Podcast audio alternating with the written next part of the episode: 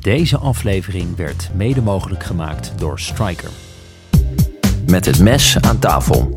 De chirurgische podcast waar we een blik achter de schermen werpen bij de top van ons vakgebied. Welkom bij de podcast. De orthopedische podcast waar wij voor jou tot op het bot gaan. Beste luisteraars, we gaan het vandaag hebben over kinderfracturen. Een onderwerp die zowel de traumachirurg als de orthopedisch chirurg aan het hart gaat. Vandaag met Joost Kuipers van de orthopedische podcast Podcast en Lars Brouwers van Met het Mes aan tafel. Eh, we zitten in Groningen met uh, Joost Colaris. Uh, Joost haalde met onderscheiding zijn doctoraal in Leuven en behaalde cum laude zijn geneeskunde in Leiden. Hij is Europees gecertificeerd handchirurg en sinds 2010 orthopedisch chirurg verbonden aan het Erasmus MC met als aandachtsgebied bovenste extremiteit.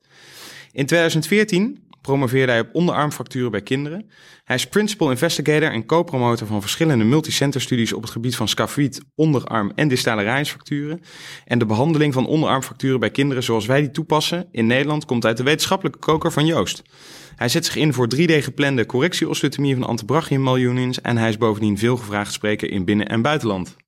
Maar Joost, Kuipers, ja, het is wel een beetje verwarrend inderdaad, twee Joost in één podcast. Maar uh, we gaan ons best doen vandaag. Um, we zitten hier op de, op de Grote Markt, uh, nog in de, in de setting eigenlijk uh, voor de oratie en het innovatiesymposium um, voor ja, toekomstige hoogleraar of hoogleraar Job Doornberg. gisteren al een mooie podcast gehad um, met diverse sprekers hier verderop op de vismarkt. En nu zitten we hier op de Grote Markt, het bruisend centrum um, van de studentenstad Groningen. En ja, als toch een beetje de traditie, uh, staan hier wederom twee uh, flessen voor ons. Uh, een fles oude en jonge klare.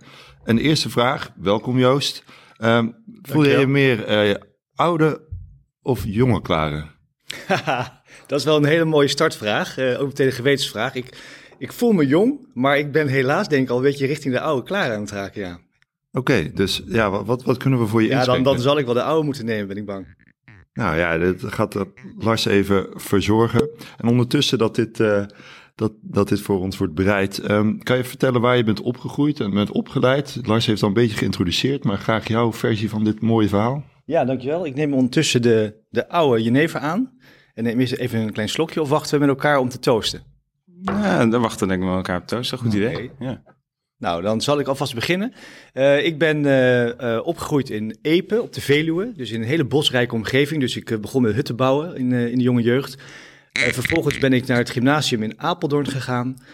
vanuit daar heb ik, nou, dat was een hele mooie tijd, met onder andere ook Europees Jeugdparlement en allemaal mooie feestjes. nog niet zo heel serieus toen, dus zeven jaar over mijn gymnasium gedaan. En toen begon het een beetje serieus te worden. Toen wilde ik heel graag geneeskunde doen, maar werd ik uitgeloot.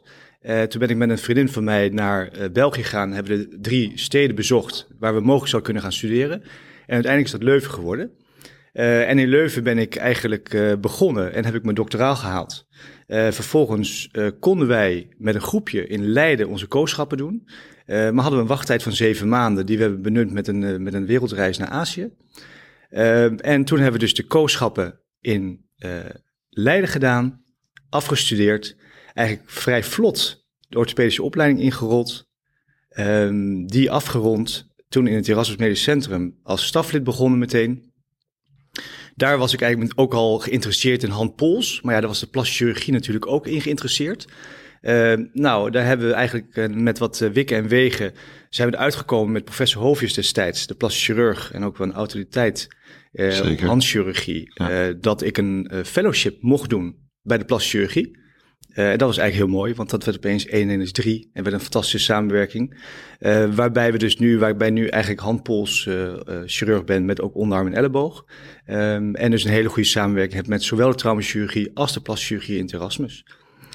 dus dat is eigenlijk in een notendop mijn verhaal. Nou, geweldig. Laten we daar even op proosten. Ja. Nou, cheers. Nou, dan... Altijd lekker. Mooi smeermiddel.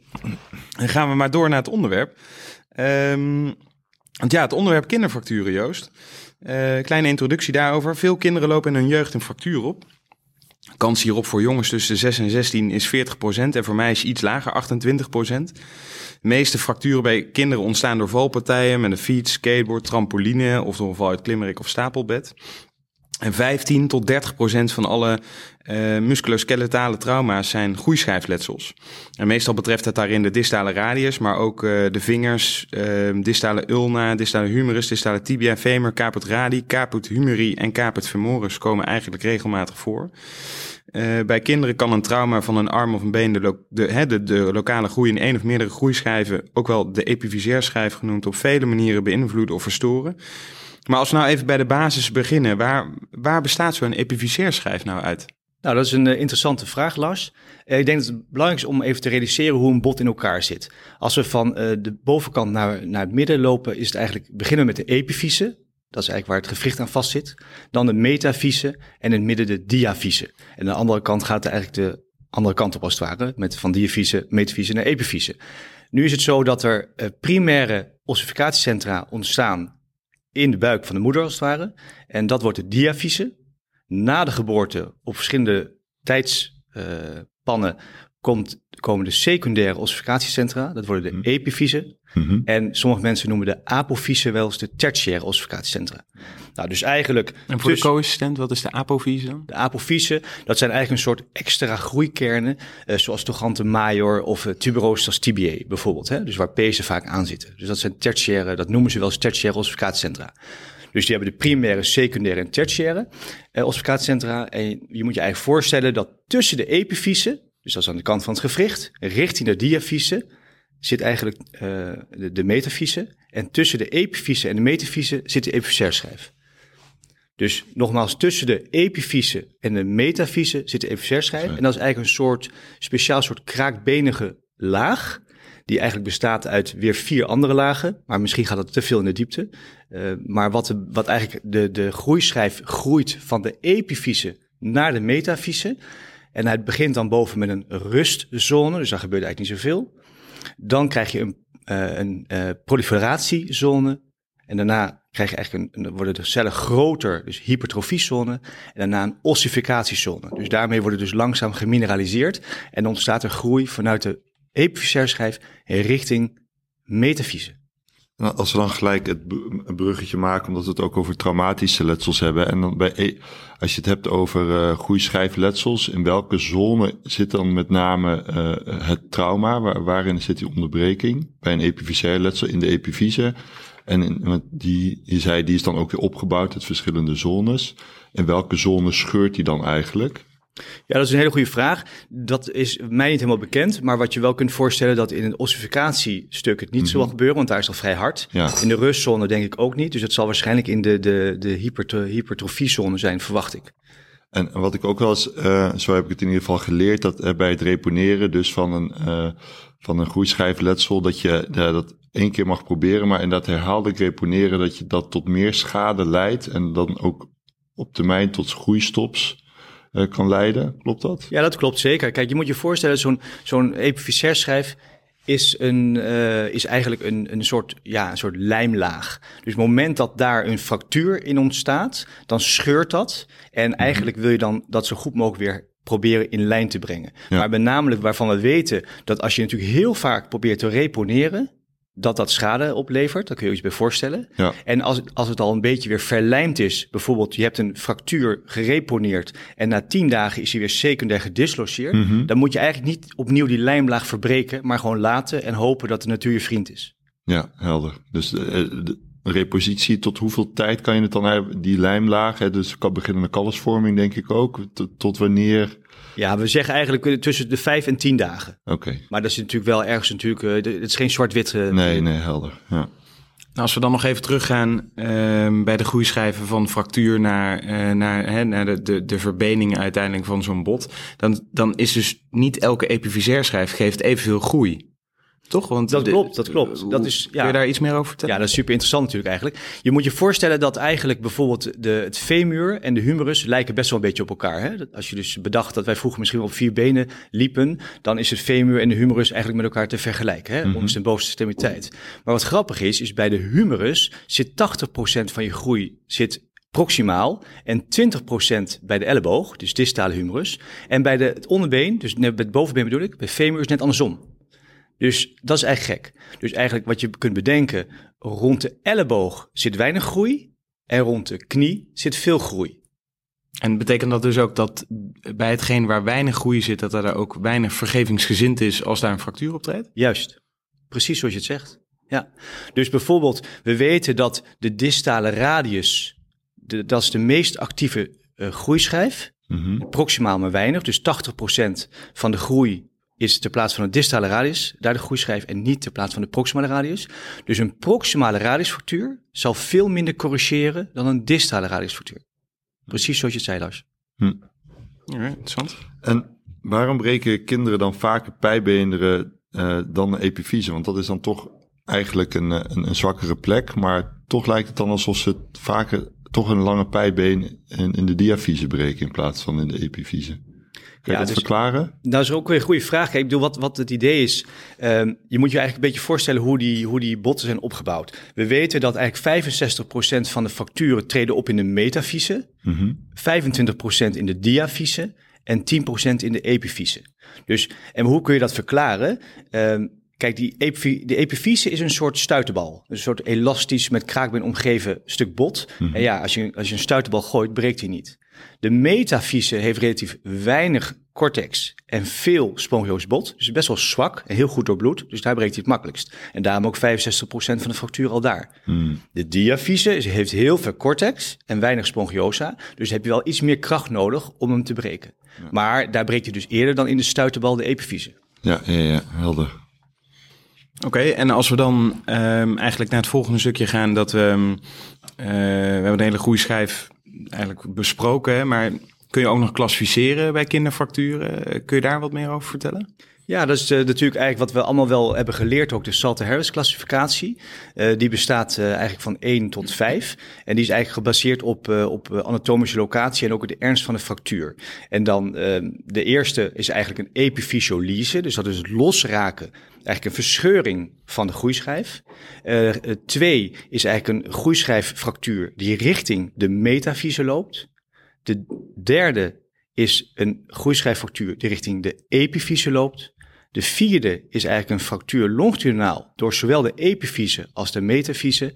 En vijf, dat is eigenlijk de gemeenste, dat is eigenlijk een soort crushletsel. En die is ook heel moeilijk te herkennen. En soms ook niet, bijna niet te zien op een normale röntgenfoto. Wat je dan, als je daar aan twijfelt, zou je eventueel, als ik een tip mag geven, zou je eventueel een, een foto van contralateraal kunnen maken. En kun je mogelijk zien dat hij wat verbreding geeft ter plaatse van de groeischijf en een beetje meer indeuking. Maar dat is heel subtiel. Is dat dan... En soms komt die eigenlijk pas aan à, à vue op het moment dat er een groeistoornis ontstaat. Ja. En is dat dan omdat die, die stuiterbal, zoals je het eerder beschreef, dan eigenlijk ja, ingedru- ingedrukt is en, en onherstelbaar heeft? Ja, dus dat is een soort eh, axiale compressie, Mhm. waarbij, dus als, eh, ja, waarbij dus die groeischijf als het ware ingeduwd is, maar Ja. niet meer helemaal opgerekt terug. En daardoor kan natuurlijk ook schade ontstaan. En strikt genomen is dan een Salter 1 ook geen fractuur. Nee, dat is eigenlijk meer een verscheuring van de lijmlaag.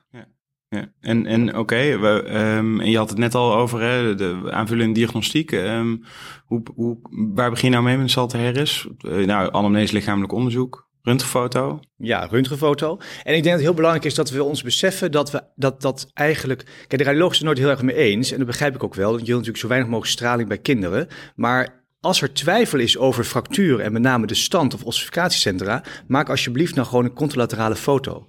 Want dan weet je precies hoe het is. Als ik op de poli in Sofia Kinderziekenhuis eh, kinderen zie, maak ik heel regelmatig bilaterale foto's om gewoon te zien hoe de ontwikkeling is ten opzichte van de andere kant. En dan kun je ook iets van zeggen. Je kunt beter een extra foto maken en een goede behandeling instellen wat mij betreft, dan die foto achterwege laten vanwege het stralingsgevaar, wat eigenlijk verwaarloosbaar is. En hetzelfde geldt eigenlijk voor een CT. Eh, wij zijn best wel laagdrempelig met CT-scans als er een indicatie is. Je moet je voorstellen, dat CT's natuurlijk bij kinderen niet wenselijk zijn. Maar we weten dat CT's van ledematen veel minder straling opleveren dan van bijvoorbeeld de thorax of domen. En dat dat 1 honderdste is van de achtergrondstraling wat we per jaar binnenkrijgen of eh, krijgen. Dus we moeten daar laagdrempelig CT's als het echt nodig is, vanzelfsprekend. Dus dat is denk ik belangrijk. En waar je dan kijkt naar de foto is natuurlijk allereerst hoe is de stand? Eh, is er, eh, staat die goed of niet? En dan moet je natuurlijk altijd rekening houden met de plek waar de fractuur zit, hoe oud het kind is, welk geslacht, et cetera. Ehm, en eventueel dus een repositie en behandeling. En ja, want de, de, de, de letsels van de groeischijf, die, die, ja, die openbaren zich, om het maar even zo te noemen, over de tijd. Dat, dat zie je dan pas vaker door dat die deels vast gaan zitten. Uh, en even deze. En hoe lang ja, volg je dat dan op? Want tijdens mijn uh, vooropleiding um, ja, was het vaak na een aantal weken, nou, ontsloeg je iemand uit follow-up. Hoe lang volg jij kinderen op die met, met een groeischijfletsel komen? Het ligt natuurlijk ook van de leeftijd af. Ja, dat, hangt zeker van de leeftijd af. Kijk, je moet je voorstellen, er, is, er zijn studies gepubliceerd waarbij er 1600 uh, uh, groeischijffracturen zijn vervolgd. En eigenlijk zagen ze daar 5% van de groeischijffracturen gaven problemen in de toekomst. Uh, en dat gebeurde allemaal binnen twee jaar. Dus ik stel voor dat de ernstige fracturen, dus bijvoorbeeld met name de Salt-Harris 4, hè, dat zijn mhm. natuurlijk de longitudinale fracturen door de epifyse en metafyse, dus dwars door de groeischijf. Dat zijn eigenlijk de gemeenste. En dat je die eigenlijk tot twee jaar vervolgt. Of als je ziet dat die natuurlijk eigenlijk normaal groeit. Hm. En dan hebben we inderdaad nog wel wat uh, speciale fracturen, althans die we niemand, in ieder geval een speciale naam geven. TIO-fractuur, triplane, wordt soms, word je soms wel mee uh, om de oren gegooid. Um, wat, wat, is, wat zijn het nou? Nou, dit zijn eigenlijk ook specifieke namen voor groeischijffracturen van de distale tibia. Uh, je moet je eigenlijk voorstellen, dit soort fracturen komen met name voor bij adolescenten. En de distale uh, tibia, de, de groeischijf verbeent uh, eigenlijk van mediaal naar lateraal. En wat er dan gebeurt bij zo'n Thilo-fractuur, is dus eigenlijk dat, dat de groeischijf al geossificeerd is aan de mediale zijde van de tibia maar nog niet in het fragment lateraal van de distale tibia. En daar zit je ligament aan, je anterieure, inferieure tibiofibulaire ligament. En die trekt als het ware dat fragment van je groeischijf af. Dat is dus een specifieke Thilo-fractuur. Dus dat is een Salte Harris 3. Hm. En bij, en bij een. Even nadenken nog een keer. Was het een drie? Ja, ja, ja, ja, het was een drie. ja. En de triplane, dus daarop volgend inderdaad, dat is nog een ernstige fractuur. De triplane zegt natuurlijk eigenlijk van zichzelf. Het is een, een, een fractuur die zowel in het coronale, sagittale als axiale vlak van de epiphysaire schijf van de distale tibia zich voordoet. En ja, dat is heel mooi. Ik geef regelmatig ook onderwijs op de, op de cursussen voor kinderfracturen. En dan hebben we vaak 3D-modellen van de enkel met zo'n fractuur. En dat is eigenlijk heel mooi om het inzichtelijk te maken. Uh, het is echt een triplane. En dit, soort allebei, dit, zijn allebei eigenlijk fracturen die interarticulair verlopen en dus ook eigenlijk een vrijwel anatomische repositie behoeven. En, en hoe doe ja, dus die anatomische repositie zonder ook de, de, het goede gedeelte van de groeischijf, wat, wat dan nog open is, niet te veel te verstoren. Want je wil die, die, die fusie of die eerder te, te vroege sluiting, als die er al niet is door trauma, niet nog induceren door uitgebreide uh, dissectie bijvoorbeeld, als je het Precies. fixeert. Ja, nou ja, het is denk ik sowieso belangrijk dat we ons realiseren dat een kinderbot niet een, een klein volwassen bot is. Er zit natuurlijk een enorme laag periost overheen. Mm uh, maar ook die epicel schrijven blijft daar een beetje van weg. Want op het moment dat je daar natuurlijk heel veel dissekeert, uh, dan heb je natuurlijk kans dat daar schade ontstaat. Ja, en Joost, kun je nou zien op een röntgenfoto na, uh, na een fractuur ook zien of de, of de groeischijf weer intact is? Of hoe, hoe, hoe zie je dat nou precies? Ja, dat kan theoretisch wel. Dat is de, de, de growth arrest line of de Harris line. En dat zie je bijvoorbeeld bij de distale tibia, zie je dat heel mooi. Je moet je voorstellen, als je dan een enkelfractuur hebt, dat er dan een hematoom ontstaat door de fractuur. Dan ontstaat er callus ter plaatse. Uh, en doordat dat eigenlijk de callus, die neemt zoveel energie en, en vascularisatie op zich, dat eigenlijk de groei een tijdje stilstaat. Op het moment dat dus die callus weer oplost en remodelleert, dan krijg je dus door die hypervasculatie van de fractuur, krijg je juist weer even een groeispeurtje vaak. En zie je eigenlijk als de groeischijf mooi intact is, zie je een sclerotische lijn opschuiven vanaf de epiphysaire schijf richting diafyse. En dan zie je dus als die mooi sclerotisch, dus dat, dat groeistopje als het ware van de tijd van de fractuur, als die mooi horizontaal loopt met je groeischijf, dan is het goed. Maar als je daar een rare bobbel in ziet of asymmetrie, uh, dan moet je dus bedacht zijn op groeischijfprobleem. Hm, Oké. Eigenlijk als een soort van um, dikke groeilijn van een uh, boom. Om te kijken of hij vette of magere jaren heeft gehad. Precies. Alleen is deze dan longitudinaal uh, op de foto. Het is uh, horizontaal aan de hand van de schijf En die van de boomstam is meestal rond. Ja, ja. oké. mooi. Leuk. Ja, en dan hebben we het nu al een paar keer, hè, wat, wat als uh, je dwars door die groeischijf heen gaat, dat er eventueel een, uh, een fusie ontstaat of een, um, een barvorming of botbrug, uh, allemaal termen daarvoor. Um, hoe werkt dat nou? Nou ja, dat is, dat is een uh, lastig uh, probleem. Kijk, ik bedoel, meestal is de natuur je vriend. We weten dat als er een, een, ja, soms ontstaat er dus als het ware een soort botbrug tussen de epifyse en de metafyse. Dus door de epifysaire schijn heen, door de groeischijf heen. En we weten uit de dierexperimenten dat ongeveer als er 9% is, zo'n bar, dan trekt de groeischijf die weer los. Dat hebben we, hm. is uit dierexperiment gebleken. Maar op het moment dat het groter is, dan heb je kans dat er een groeistoornis ontstaat. En je kunt je voorstellen, als zo'n botbrug in de epifysaire schijf in het midden ontstaat, dan stopt de lengtegroei. En de botbrug, nogmaals even, is, is dus een ossificatie van je epifysair schijf. Dat klopt. Ja. Dus eigenlijk is het, normaal gesproken heb je je epifyse, daarna je epifysair schijf en dan je metafyse. En groeit je op die manier vanuit de epifyse richting de metafyse.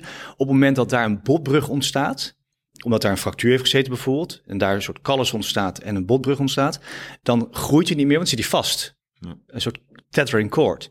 Uh, op het moment dat dat dus 9% is, minder dan 9%, trekt het vanzelf los, is het idee. Mhm. Maar is dat groter, heb je dus een groeiprobleem. Is het in het midden, dan krijg je gewoon een lengtegroeiprobleem. Maar het kan ook zijn dat er een botbrug ontstaat aan de zijkant, dus in de periferie van de groeischijf. En krijg je dus angula angulaire groei, dus angulatie.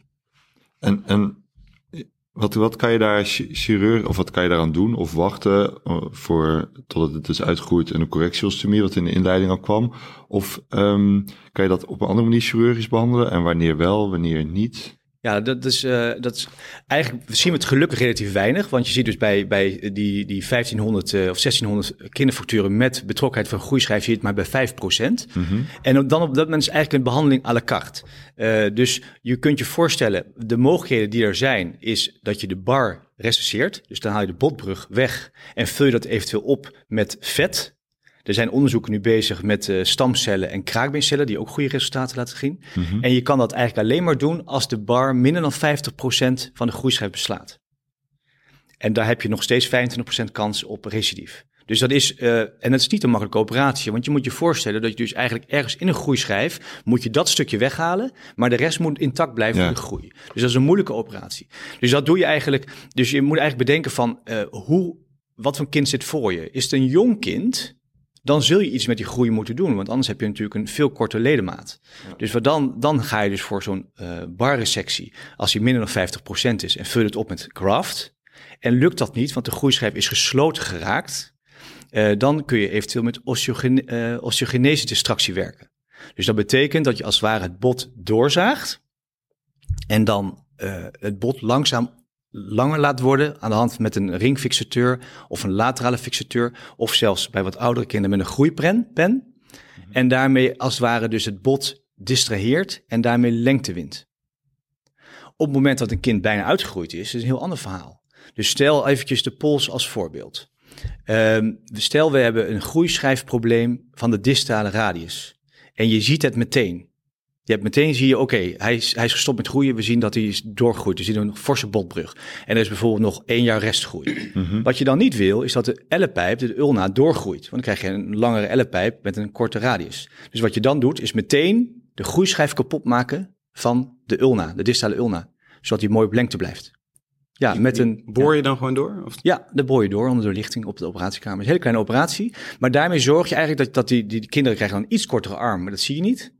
En heb je dus eigenlijk wel een mooi radiocapaal gewricht. met een normale lengte van radius en ulna. Op het moment dat je het pas later ziet en je al een ulna plus hebt, dus een langere ellepijp.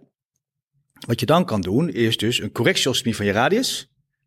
En je groeischijf kapot maken weer van je ulna.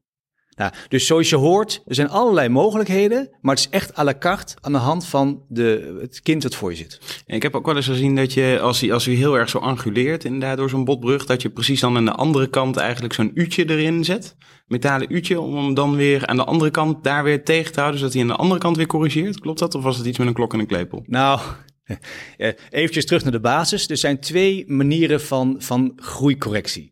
Um, er zijn twee, dus de eerste is 75% uh, eh, verantwoordelijk voor de groei. Dat is de, de, de wet van Heuter-Volkman, Duitse chirurgen. En de tweede is 25% van de groei verantwoordelijk. Dat is de, de wet van Wolf, toevallig ook een Duitse anatoom. Dus wel een beetje een Duits onder onsje dit dan. Hè? Um, en waar het op neerkomt, die, uh, die Heuter-Volkman, die geeft eigenlijk een soort asymmetrische groei in je groeischijf. En daarmee corrigeert hij. Dus de angulatie wordt gecorrigeerd. Uh, en hij corrigeert meer als er meer aan getrokken wordt. En minder als er meer gedrukt wordt. Dus dat geeft dus 75% van de correctie door groei bij kinderen. En eigenlijk die wet van Wolf, dat is eigenlijk meer periostale botvorming. En die geeft meer bot in de concave zijde van het bot en minder in de convexe zijde. En daarmee corrigeert hij eigenlijk ook in de, in de loop van de tijd. Dat is prachtig, toch? Ja, ja, ja geweldig. Mooie natuur. Ja, dat is prachtig. Als we het dan over, over uh, ja, toch een stukje remodellering hebben. Um, daarin, je noemde het al, het piros speelt daar een belangrijke rol. En de laatste en langste fase van genezing, die duurt soms maanden tot jaren. Um, en, en hoe is die onderverdeling tussen groeischijf en perios? Je gaf het net al aan, de, de, hoeveelheid. Maar wat maakt de perios dan zo bijzonder bij kinderen in, in vergelijking met bij volwassenen? Want hij is dus een andere rol voor, voor het botvlies blijkbaar. Ja, nou, het is allereerst al leuk als je een operatie doet bij een kind, ben je altijd weer verbaasd over hoe dat perios eruit ziet. Is dan denk je van, wat is dit? En dan snij je het in en denk je, wat is dit een dikke laag? En dan weet je ook waarom die kinderen zo elastisch bot hebben. Mm en dat je dus ook uh, dat er enorme capaciteit is voor, voor groeiremodulatie. En je moet je voorstellen dat, dat perios is gewoon een dikke laat bindweefsel, mm waar heel veel bloedvaten en zenuwen in zitten. En die zorgen eigenlijk dus voor de voeding, voor de innovatie en voor dus ook remodulatie. Met dus 25% groeicorrectie door de wet van Wolf. Zit er dan nog verschil tussen uh, mate van remodellering, um, tussen de extremiteiten, dat je bo bovenste uh, lidmaat meer of minder uh, kan remodelleren dan het onderste lidmaat door belasting of ja, dat is een goede. Want eh, men, men zegt wel vaak van ja, de bovenste extremiteit remodelleert mogelijk wel meer dan de onderste extremiteit. Mhm. Maar misschien is het ook wel een beetje het idee van, ik heb het niet kunnen terugvinden in de literatuur ooit. Maar wat je dus wel kan bedenken, kijk, de distale uh, uh, onderarm breekt veel vaker dan de proximale onderarm. Dus we hebben heel vaak polsfracturen.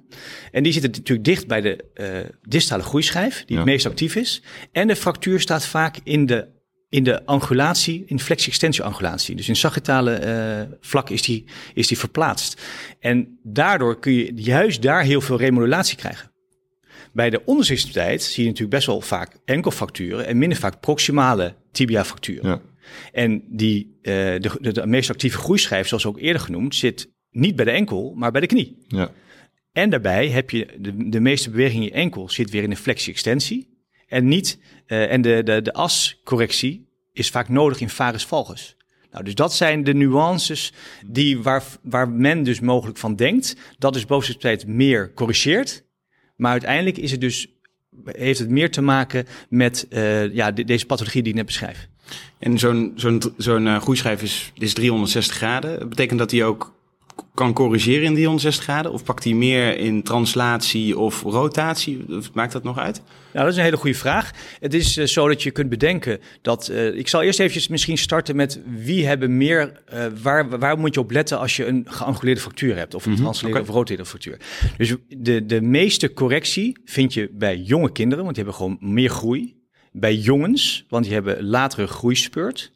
Bij een uh, miljoen dicht bij de meest actieve groeischijf. Dus bij de pols, dicht bij de distale radius, veel meer dan de proximale radius. Mm de meeste remodulatie treedt op in het vlak van de meeste beweging. Dus je kunt je voorstellen, bij de pols heb je veel flexie en extensie, 80-0-80 bij wijze van spreken. En ulna en radiale deviatie veel minder. Dus in het vlak van flexie-extensie, dus waar je het ook vaak in ziet, die angulatie union, daar geneest hij veel meer bij dan in het, in het ulnar en radiale deviatie vlak. Uh, en verder is het zo dat we dus hoe groter de miljoen, hoe meer correctie er ook is. Dus je kunt je voorstellen, we weten uit onderzoek dat uh, bij, bij meer dan 15 graden miljoen van een distale radius heeft hij 2,5 graad per maand correctie. Dus best fors, hè? Ja, dat is wel veel per maand zelfs. Ja, 2,5 graad per maand uh, remodulatie. Dat is fantastisch. Wow. Ja. En, en dan terugkomend op je vraag, Lars, over dus wat dan het meest corrigeert. Je moet je eigenlijk bedenken dat uh, angulatie geneest het beste, daarna translatie en daarna um, de rotatie. En eigenlijk rotatie is vrijwel, dat corrigeert vrijwel niet.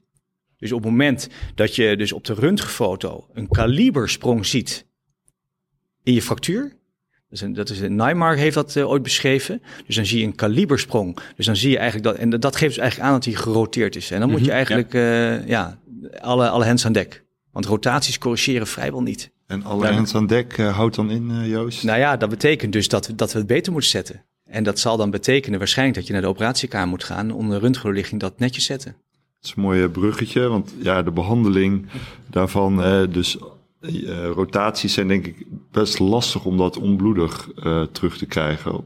Wat is jouw ervaring daarin? Bijvoorbeeld bij de onderarmfracturen, waar je natuurlijk heel veel van af weet. Ehm, hoe vaak lukt dat of is dat ook weer per fractuur afhankelijk? En wanneer moet je het dan openmaken of eventueel fixeren met, met iets anders? Ja, kijk, ik denk dat we, dat we misschien één stapje terug zouden moeten doen. En dan is de vraag natuurlijk van welke kinderen zou je nou eigenlijk op de spoedeisende hulp kunnen reponeren en welke kinderen moeten naar de operatiekamer. Mhm. Eh, en daar is de richtlijn vrij duidelijk over. Er zijn hele lijstjes genoemd van wat nou wel en wat nou niet mag. Ik denk dat we daar ons gezond verstand moeten gebruiken. Je kijkt naar het kind, je kijkt naar de ouders, je kijkt naar de factuur. Op het moment dat jij denkt dat je zonder doorlichting met één manipulatie hem goed kan krijgen, kun je het prima op de eerste hulp doen onder pijnstilling, dus onder PSA of anderszins. Ik heb in mijn studie destijds, de antebrachiumstudie, heb ik huilende kinderen gezien uh, die, die, die, die schrokken zich wild van een witte jas omdat er gewoon on, zonder pijnstilling was gereponeerd op de eerste hulp. Ik denk niet dat dat ethisch is. Dat is niet meer van deze tijd, denk ik. Dus ik denk, goede pijnstilling essentieel is. Counseling van ouders en kind. En dan één poging op de eerste hulp is prima als je denkt dat het lukt. Maar op het moment dat jij een fors gedisloceerde midschacht antebrachiumfractuur hebt, met een soort bajonetstand, dan weet je eigenlijk dat je dat niet gaat lukken. En neem je mee naar elkaar. En eh, op de elkaar is natuurlijk weer la carte. Zijn, zijn daar wat... Um, ik ben wel benieuwd naar jouw kart eigenlijk, uh, Joost. Want daar staan wel mooie dingen op. nou ja, dat weet ik niet. ja, nee, maar, uh, maar dat à la carte is natuurlijk wel iets wat, wat, ja, wat je leert tijdens je opleiding. Maar um, zijn, zijn daar wat tips en tricks van wanneer... Wat, wat zijn voor jou bepaalde... Je hebt een bepaald nou, voor jezelf een, een beslisalgoritme om te zeggen, nou, nu kies ik hiervoor, nu zet ik een K-draad of nu doe ik toch een pen. Um, kan je ons daar een beetje meenemen? Uh, of uh, K-draad, een tenpen? Zeker, zeker. Um, is het, uh, dan, misschien is het dan handig om een voorbeeld te nemen. Over welk, over welk bot willen jullie spreken? Ja, nou, ik wilde nog even door over die, over die onderarmfracturen eigenlijk. Dat, dat zien we toch wel veel met alle trampolineparken en uh, zeker, dingen. Zeker, uh, nou, distaal beginnen. Dat is ja, goed. Ja, ja, ja.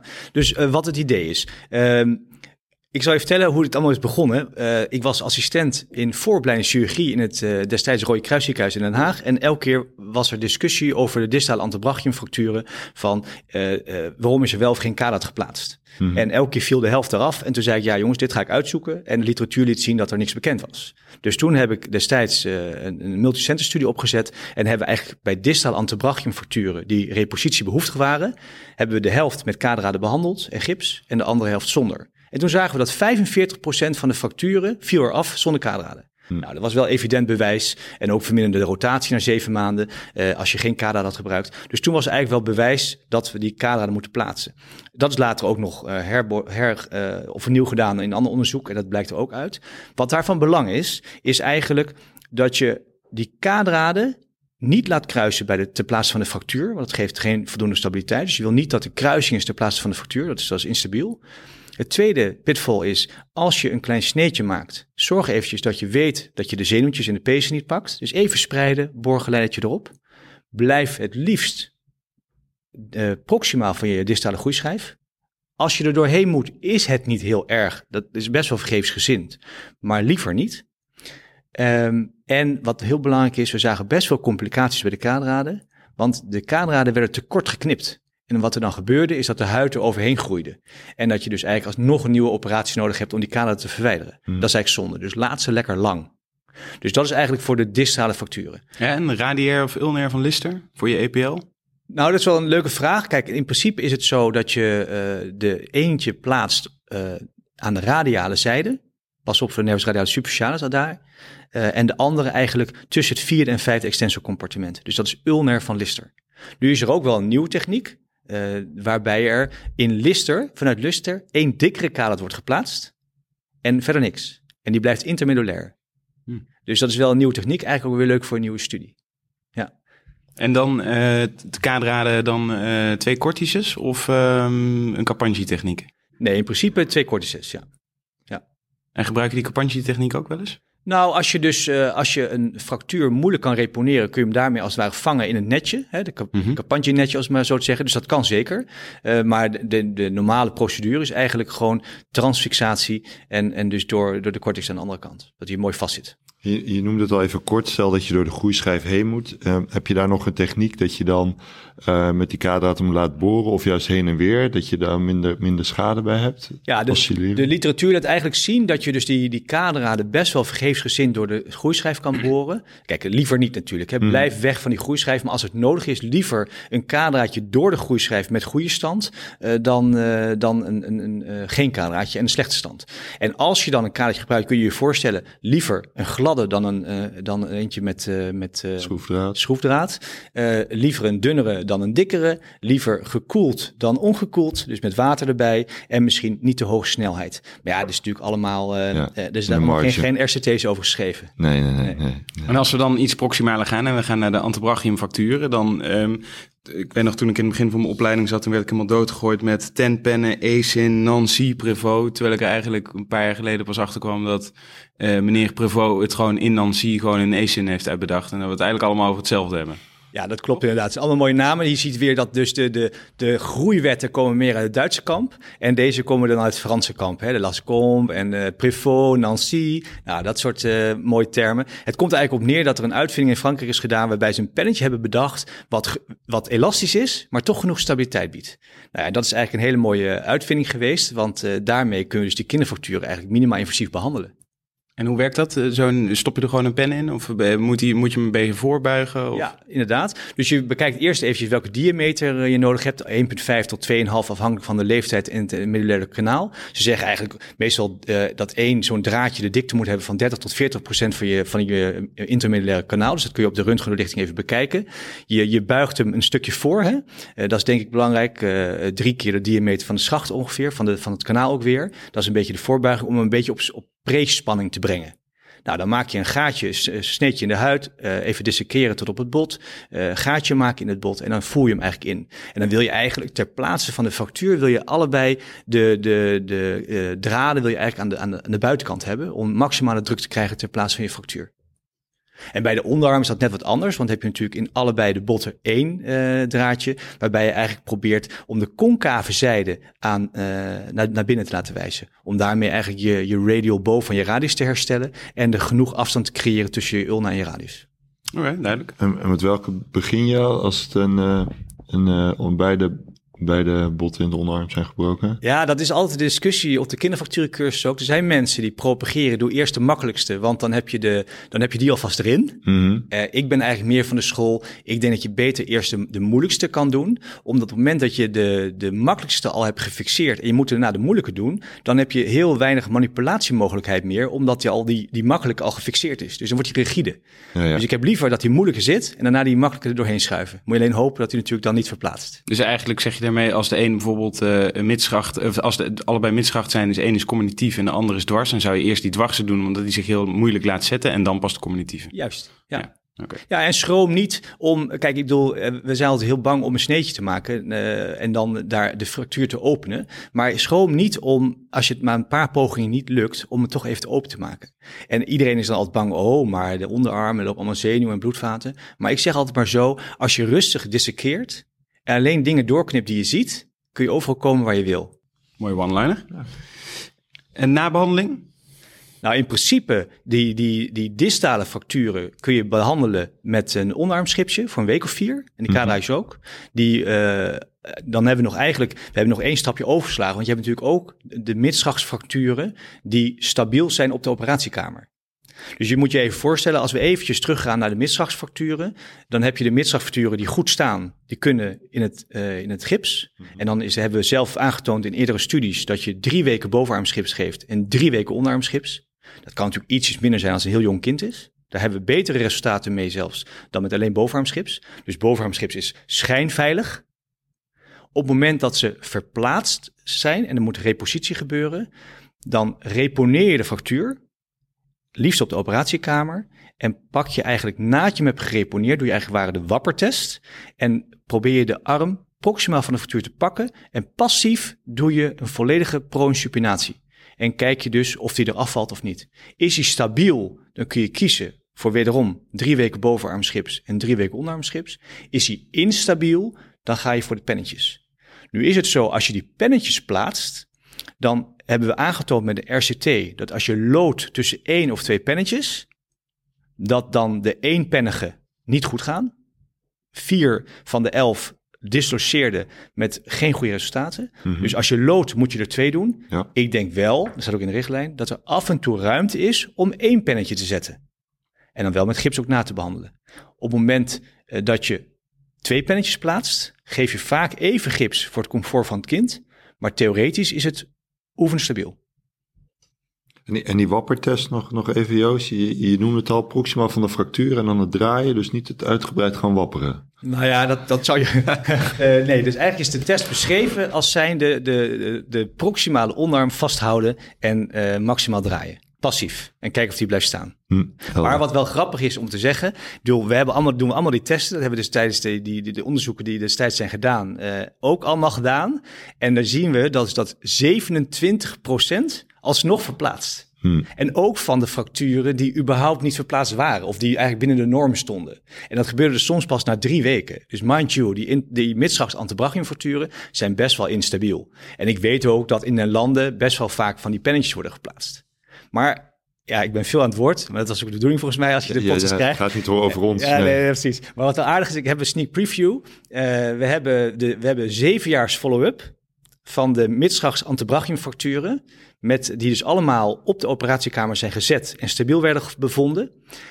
Na zeven jaar zijn ze allemaal goed. Terwijl eigenlijk in principe we altijd zeiden, en daar ben ik nog steeds van mening, de diavisaire fracturen kun je weinig eh, accepteren qua angulatie, want die doen het best wel slecht. Maar na zeven jaar zijn ze toch best wel weer goed.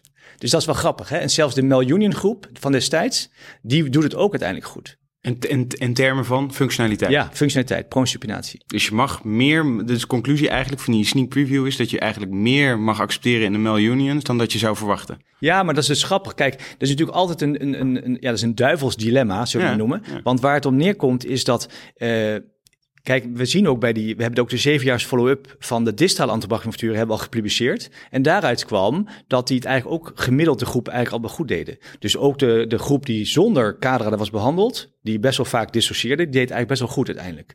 Eh, nu hadden we wel gezien dat de Mel Union groep en de refractuurgroep uiteindelijk een slechte functie gaven.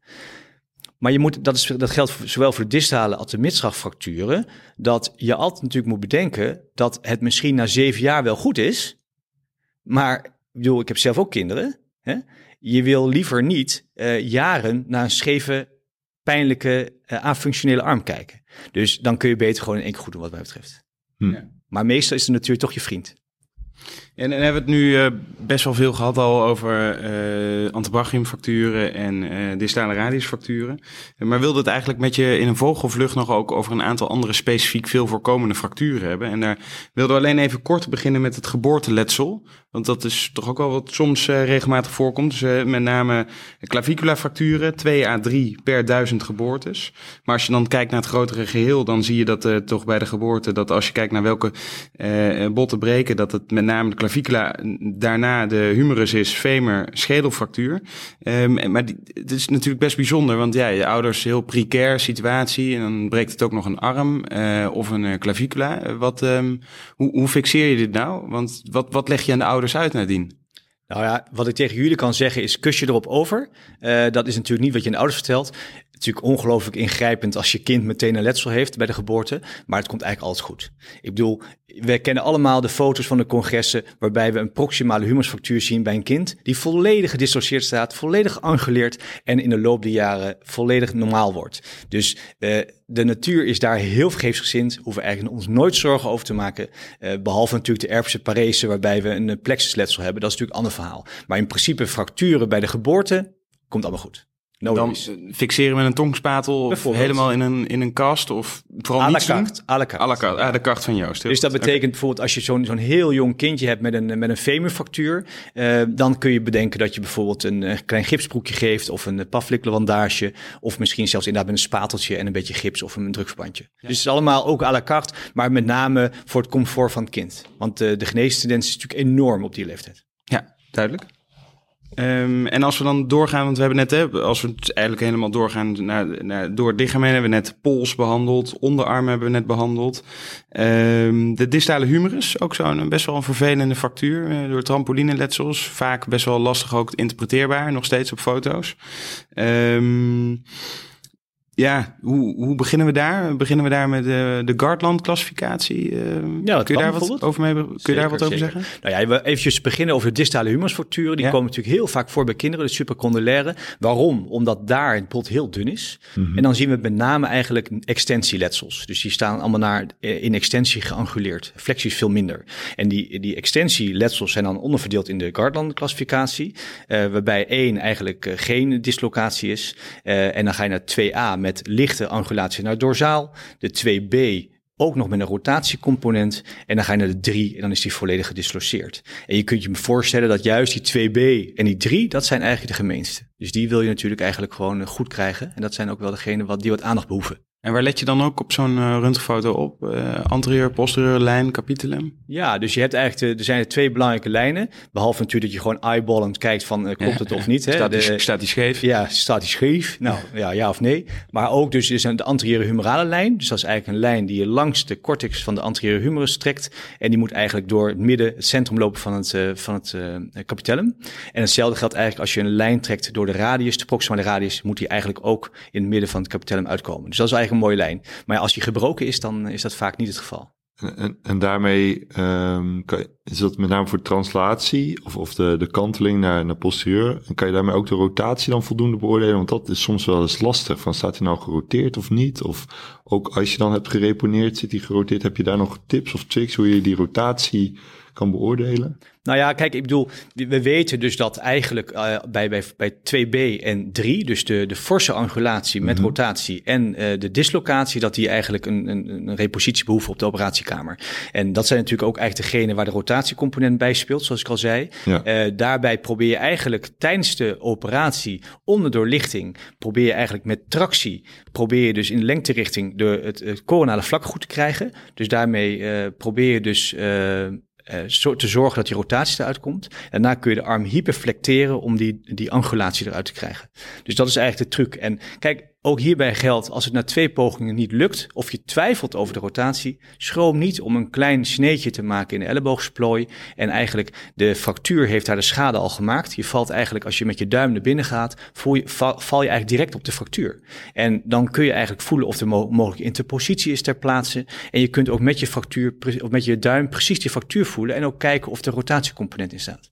En ik bedoel, niemand zal je kwalijk nemen als jij een klein sneetje hebt gemaakt en even hebt gevoeld of die echt goed stond dan dat er uiteindelijk een rotatiemiljoen ontstaat. Want wij zien best wel heel veel ellende van elleboogsproblemen uit een landen in een Sofia kinderziekenhuis.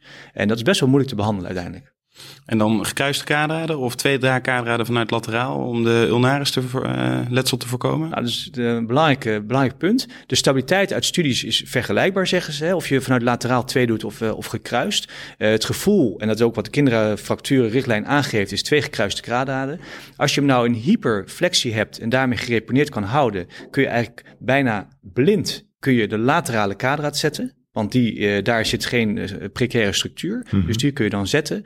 En daarna haal je hem ietsjes uit flexie. Voel je duidelijk waar de nervus ulnaris zit. Maak je een klein sneetje en doe je hem niet in hyperflexie, de elleboog. Want dan gaat, heb je kans dat de nervus ulnaris uit het gootje vloept oh, naar ventraal. En heb je hem juist gespiest. Dus probeer goed die nervus uh, ulnaris te voelen. Dus dat wormpje in die sulcus bij, kun je bij jezelf van, van tevoren even voelen. En dan probeer je dus met een klein open incisietje, desnoods met een boorgeleidertje, en hem in te brengen. En wat dan nog een trucje is, veel van de boren tegenwoordig kunnen oscillerend boren. Dus dat betekent heen, weer, heen, weer, heen, weer. Dus dat je hem niet heen en je hele nervus ulnaris in, de mangel in het mangel hebt. Ja.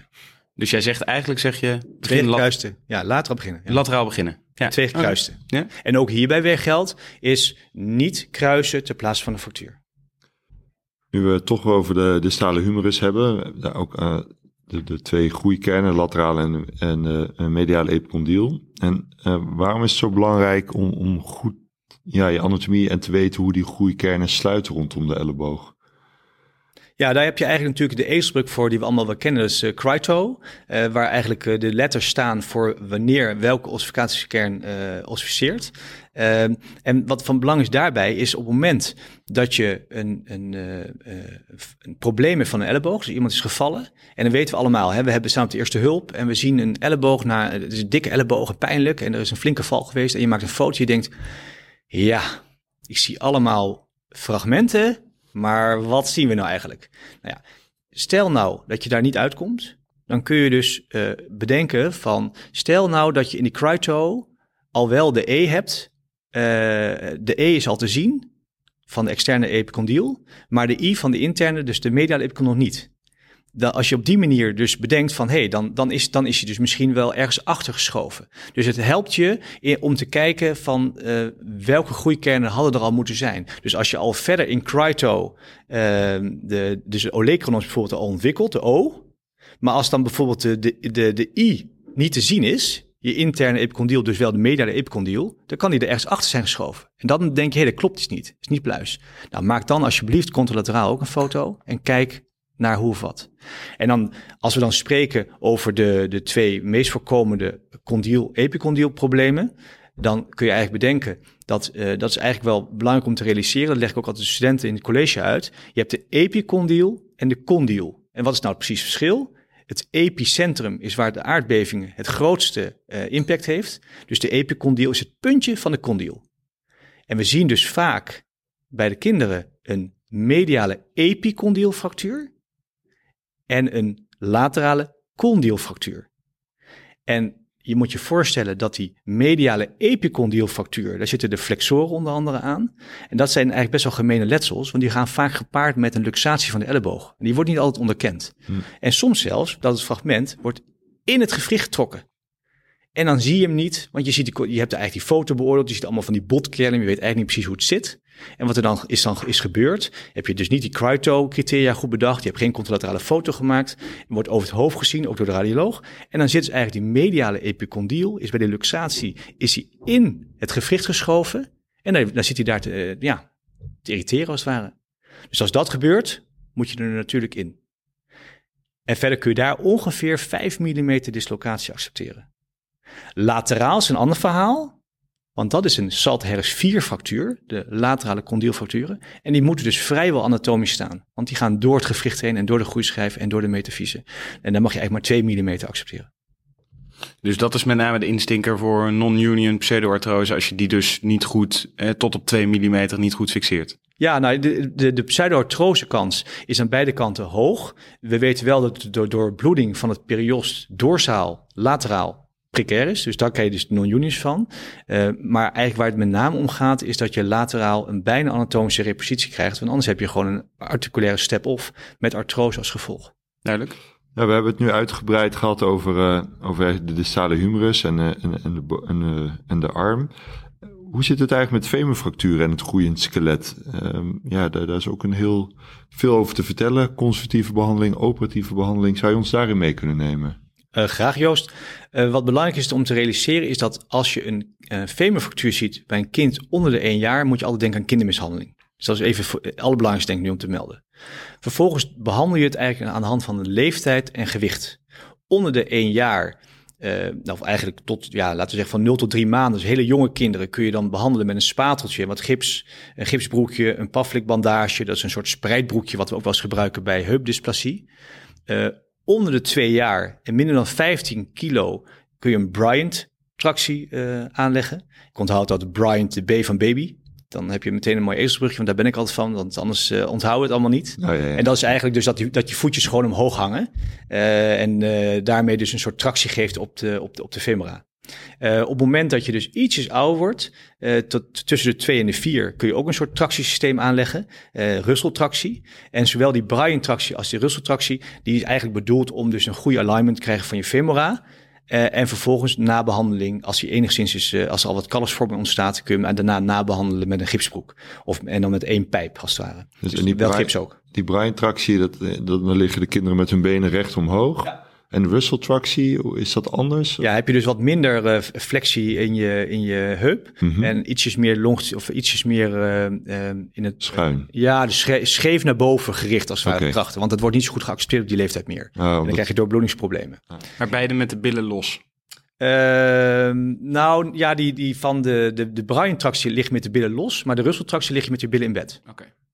Anders word je naar beneden getrokken Ja, natuurlijk. dat is zo fair enough. Ja. Ja, ja. En dan dus dan, daar begin je dan mee tot er enigszins callus is. Mhm. Eh, en dan kun je ook eigenlijk best wel goed die rotatie bepalen klinisch. Want hoe staan de voeten ten opzichte van elkaar? Ja. Eh, en als op het moment dat dus enigszins callus is ontstaan, kun je daarna nabehandelen met gips. Ja, want dat is natuurlijk een interessant, want hoe weet je dat? Want je hebt natuurlijk ouders die zeggen, ja, eh, vier weken hier in bed liggen. Hoe, eh, maak maar elke dag een foto, dokter. Ja, Mhm. nou ja, dat is heel goed. Dan proberen we, dan nemen we eerst een kopje koffie met elkaar en dan gaan we even zitten. nee, dat is, eh, dat is natuurlijk een hele goede vraag van die ouders. Maar allereerst hebben we natuurlijk het principe dat we zo weinig mogelijk röntgenfoto's maken bij kinderen. Eh, dat is het eerste principe. Ten tweede zijn ze ongelooflijk vergeefsgezind, deze fracturen ook. Die kunnen heel veel kunnen die, eh, corrigeren, eh, maar, maar niet in rotatie. En de rotatie is nou juist klinisch prachtig te beoordelen, want je kunt gewoon kijken hoe de voeten staan. Dus die foto's hoeven niet heel veel gemaakt te worden, alleen op indicatie. En soms zie je wel eens dat dus die, bij die Brian-tractie, dat die kinderen bij wijze van spreken 90 graden eh, gedraaid in bed liggen. Die, die, die, die kunnen dat heel goed verdragen. Hm. En gaan we dan ietsjes ouder eh, in de lijn, tussen de 4 en de 12 jaar, hebben we dus de prachtige uitvinding met die eh, elastische stabiele pennetjes. Dus de ESIN, de Prevot, de Nancy. Dat is eigenlijk mooi, dat kan tot 50 kilo. Maar ja, tegenwoordig natuurlijk, eh, dat zou je in Amerika nog meer hebben, is eh, bij hele zware kinderen Ja. die onder de 12 zijn, ja, dan moet je dan. Eh, daar moet je dus op indicatie of à la carte weer werken. Dan kun je dus mogelijk misschien een plaat plaatsen. En als je dus nog ouder bent, dan bijvoorbeeld tussen de 12 en de 16 jaar, dat is eigenlijk osteosynthese op maat. En dan kun je je voorstellen, er zijn tegenwoordig zelfs speciale pennen ontwikkeld, die speciaal bedoeld zijn voor adolescenten. En daarmee eigenlijk voorkomen dat je, dat je de doorbloeding van de heupkop kapot maakt. Hm. Dus de circumflexe arteriën rond de heupkop. Dus die gaan er wat lateraler in, in het trochantermassief. Mooi. En, en het verwijderen van, van, van ah, ah, laten we in de ideale wereld, eh, een mooi slank kind van eh, een jaar of tien. Ehm, hoe lang laat je die pennetjes zitten dan in het femur? Nou ja, je wil ze eigenlijk niet te kort laten zitten, want eh, refracturen ontstaan. Mhm. Eh, maar wat de ervaring is, is dat wel dat die pennetjes wat uitzakken. Je hebt bepaalde firma's die, hebben, die gebruiken endcaps. Die geven wat meer stabiliteit, dus die zorgen dat het pennetje mooier in het bot blijft. Maar andere firma's hebben die niet en zakken de pennetjes door de belasting wat uit. Hm. Dus eh, met name bij, bij spiraalfracturen, dus scheve fracturen in de femur, misschien ook niet raadzaam om meteen volledig te gaan belasten. maar even rustig aan tot wat callus is ontstaan. Bij de dwarsfractuur is het natuurlijk anders, want dan heb je eigenlijk gewoon stabiliteit. Ja. En dus de, nogmaals, je vraag beantwoordend. De pennetjes moeten er eigenlijk in blijven tot de consolidatie is bereikt. En als er geen last is van de pennetjes, laat je gewoon nog even zitten. Dus liefst zes maanden of zo. Eh, maar ja, als mensen eh, of kinderen irritatie krijgen van de vastus, lateralis of medialis eh, in, in, het on- in de onderkant van het bovenbeen, Ja. dan, ja, dan moet je ze uithalen. Want anders heb je daar infectie en Ja, dan ben je niet geholpen. Ja. En dan moet je misschien wel sportverbod doen. Hè? Dat is natuurlijk wat we bij de antebrachiumfractuur ook zien. Dat er niet te veel frictie langs die pennetjes komt. Nou ja, ik bedoel eigenlijk nadien. Dus Ah, op het moment dat je die pennetjes te vroeg eruit haalt, Ja. eh, dan heb je natuurlijk best wel nog een kans op refracturen. Ja. En dat geldt natuurlijk ook voor de onderarm, waarbij we dus eigenlijk bij de adolescenten, bij die midschachts, geven we drie maanden sportverbod. Quick for. Ehm, ja, mooi onderwerp, kinderfracturen, eh Joost. Eh dankjewel. Eh maar aan het einde van de podcast eindigen we altijd met eh, quick four en een aantal duivelse dilemma's. Dus die wilden we ook nog graag met je doornemen. Dus eh, bij deze, wat, wat is je grootste passie buiten het ziekenhuis? Ja, dat, was, eh, dat is eigenlijk wel lastig te beoordelen. Ik probeer altijd een soort balans te vinden tussen enerzijds sport en anderzijds een soort eh, culinaire hoogstandjes. Ehm, ja, met wijnspijs, eh, zelf koken, mooie wijn erbij, eh, dat soort eh, dingen. Nou, we zijn nu ook aan het Genevertje, dus cheers nogmaals. Ja, cheers. Ehm, Joost, wat zou, je, wat zou je nu doen of wat was je geworden als je geen eh, orthopedisch chirurg was geworden? Nou ja, dat is eigenlijk. Geneeskunde stond voor mij wel altijd, eh, nou niet altijd op nummer één, maar wel, ik vond het lichaam zodanig interessant dat dat wel mijn, mijn enige keuze op dat moment was. Als ik geen orthopedisch chirurg was geworden, was ik eh, ho- hopelijk traumachirurg kunnen worden. En als ik helemaal buiten het ziekenhuis was gebleven, dan zou ik denk ik in de industrieontwerpen of architectuurhoek eh, zijn beland, denk ik. Leuk, ook heel iets anders, maar ook creatief. Ehm, en welke tip zou je jezelf geven aan het begin van jouw carrière, opleiding? Als je het nogmaals mag doen. Nou ja, ik vind eh, een mooie dagen is altijd work hard, play hard. Dus uh, hard werken is prima, maar je moet ook hard genieten. Dus dat is altijd iets wat ik, wat ik probeer uh, na te streven. En verder, ik kan me herinneren dat ik als, als opleidingsassistent als eerste een onderzoek ging doen naar Achillespeesrupturen. en, dan, en dan een retrospectief onderzoek en dan hele avond iedereen nabellen. En je kunt je voorstellen dat dit soort artikelen niet worden gepubliceerd. Nou, was ik zo door, gefrustreerd dat ik dacht, ik ga dat nooit meer doen. Ik heb mijn eigen focus. Ik bedenk waar ik over tien jaar wil zijn. Ik heb mijn eigen onderzoek destijds opgezet. En iedereen die vroeg, wil je dit of wil je dat voor onderzoek doen of onderwijs? En nee, ik heb mijn project. Nou, en dan dus focus, weet waar je over tien wil staan en benut je tijd goed. Dat is nou, mooie tips. Um, nou, je hebt al, al gedeelte van je carrière achter je. Nog een hele glansrijke carrière voor je. Toch een jonge klare dus. Ja, ja, ja, we moeten het eigenlijk mixen. We kunnen het nog wel gemixen, die jonge en oude Kan maar niet meer met de droge ogen, kan ik geen jonge klare nee, helaas, helaas. Maar wat, wat, is dan, wat is de grootste verandering die, uh, die je hebt gezien de afgelopen jaren... sinds je als orthopedisch chirurg aan het werk bent?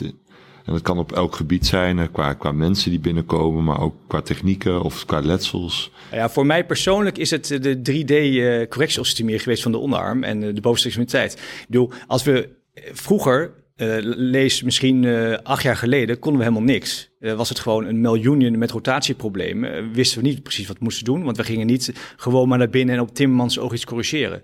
Als we tegenwoordig, als ik zie, doe ik misschien wel vijf uh, vergelijkingen van armen met 3D-spiegeling per week.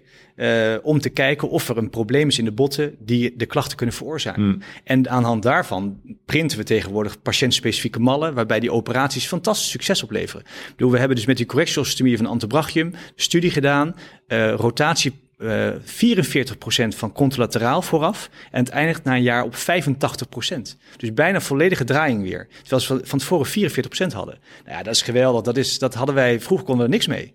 Dus, uh, en daarmee zijn we studies aan het doen. En nu zijn we met 4D-technieken bezig. Minimaal invasieve uh, dingen met, met kinematische onderarmsmodellen met de TU Delft. Ja, daar word ik heel enthousiast van. Ja, ik merk het. Ik hoor het. Ja. ja, dat is leuk. Het zit helemaal te glunderen hier aan tafel. Dat, is, mooi om te zien. Ja, ja, Duivelse dilemma's. Ja, dat brengt ons namelijk naar het laatste onderdeel, de duivelse dilemma's. En ja, je hebt er eigenlijk al over gesproken, maar uh, waarvoor zou je kiezen? Uh, als je moet kiezen, een directe osteosynthese of toch een 3D-genavigeerde correctieosteotomie? De 3D. Ja, ja, dat is, dat is toch net even, ik bedoel, iedereen doet bijna uh, primaire osteosynthese. Wat ook heel mooi is, dat is natuurlijk prachtig past en goed zit en mooi geneest. Maar uh, ja, mijn expertise ligt toch ook wel echt in de 3D-correctiostomie. Van de bovenste graad nauwkeurig. Ja, hopelijk wel. Hebben, we hebben bekeken. Vijf van de 30 botten waren niet binnen vijf graden nauwkeurig. Zelfs met twee uh, ervaren specialisten, want ik doe ze allemaal samen met professor Stokmans uit de KU Leuven. Vijf van de 30 botten niet volledig anatomisch gecorrigeerd. Dus het is niet zo makkelijk als je denkt. Je moet ook echt bedenken van waar moet je mal zitten. Maar als jij een cilindrisch bot hebt, zoals de ulna, en je moet je mal plaatsen, moet je wel precies goed zitten, want anders heb je geen anatomische accurate uh, correctie. En, en die andere 25, die waren dus? Uh, anatomisch, binnen 5 graden alignment van, van hetgeen wat had moeten zijn. Mooi. Ja. Um, hoogleraar of familieman? Familieman, zonder twijfel. Um, we hebben het uh, uh, al een paar keer gehad over à la carte. En uh, um, ja, je, hebt, je gaat wel eens met, met vrienden op wijnreis. Maar je woont ook 200 meter van het strand en je bent het leren kitesurfen. Dus wijnreis of kitesurfen? Ja, ik ben, ga dan toch niet voor het individuele, maar voor de groep. Dan gaan we op wijnreis met mijn vrienden. Leuk. Maar dus daar één sluit het allemaal niet uit. Oké.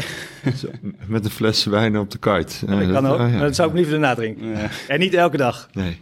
Uh, Rotterdam of Den Haag? Gewetensvraag. Ja, Den Haag. Oké. Okay. En met je PhD-student op stap of met je AIOS op stap? Beide.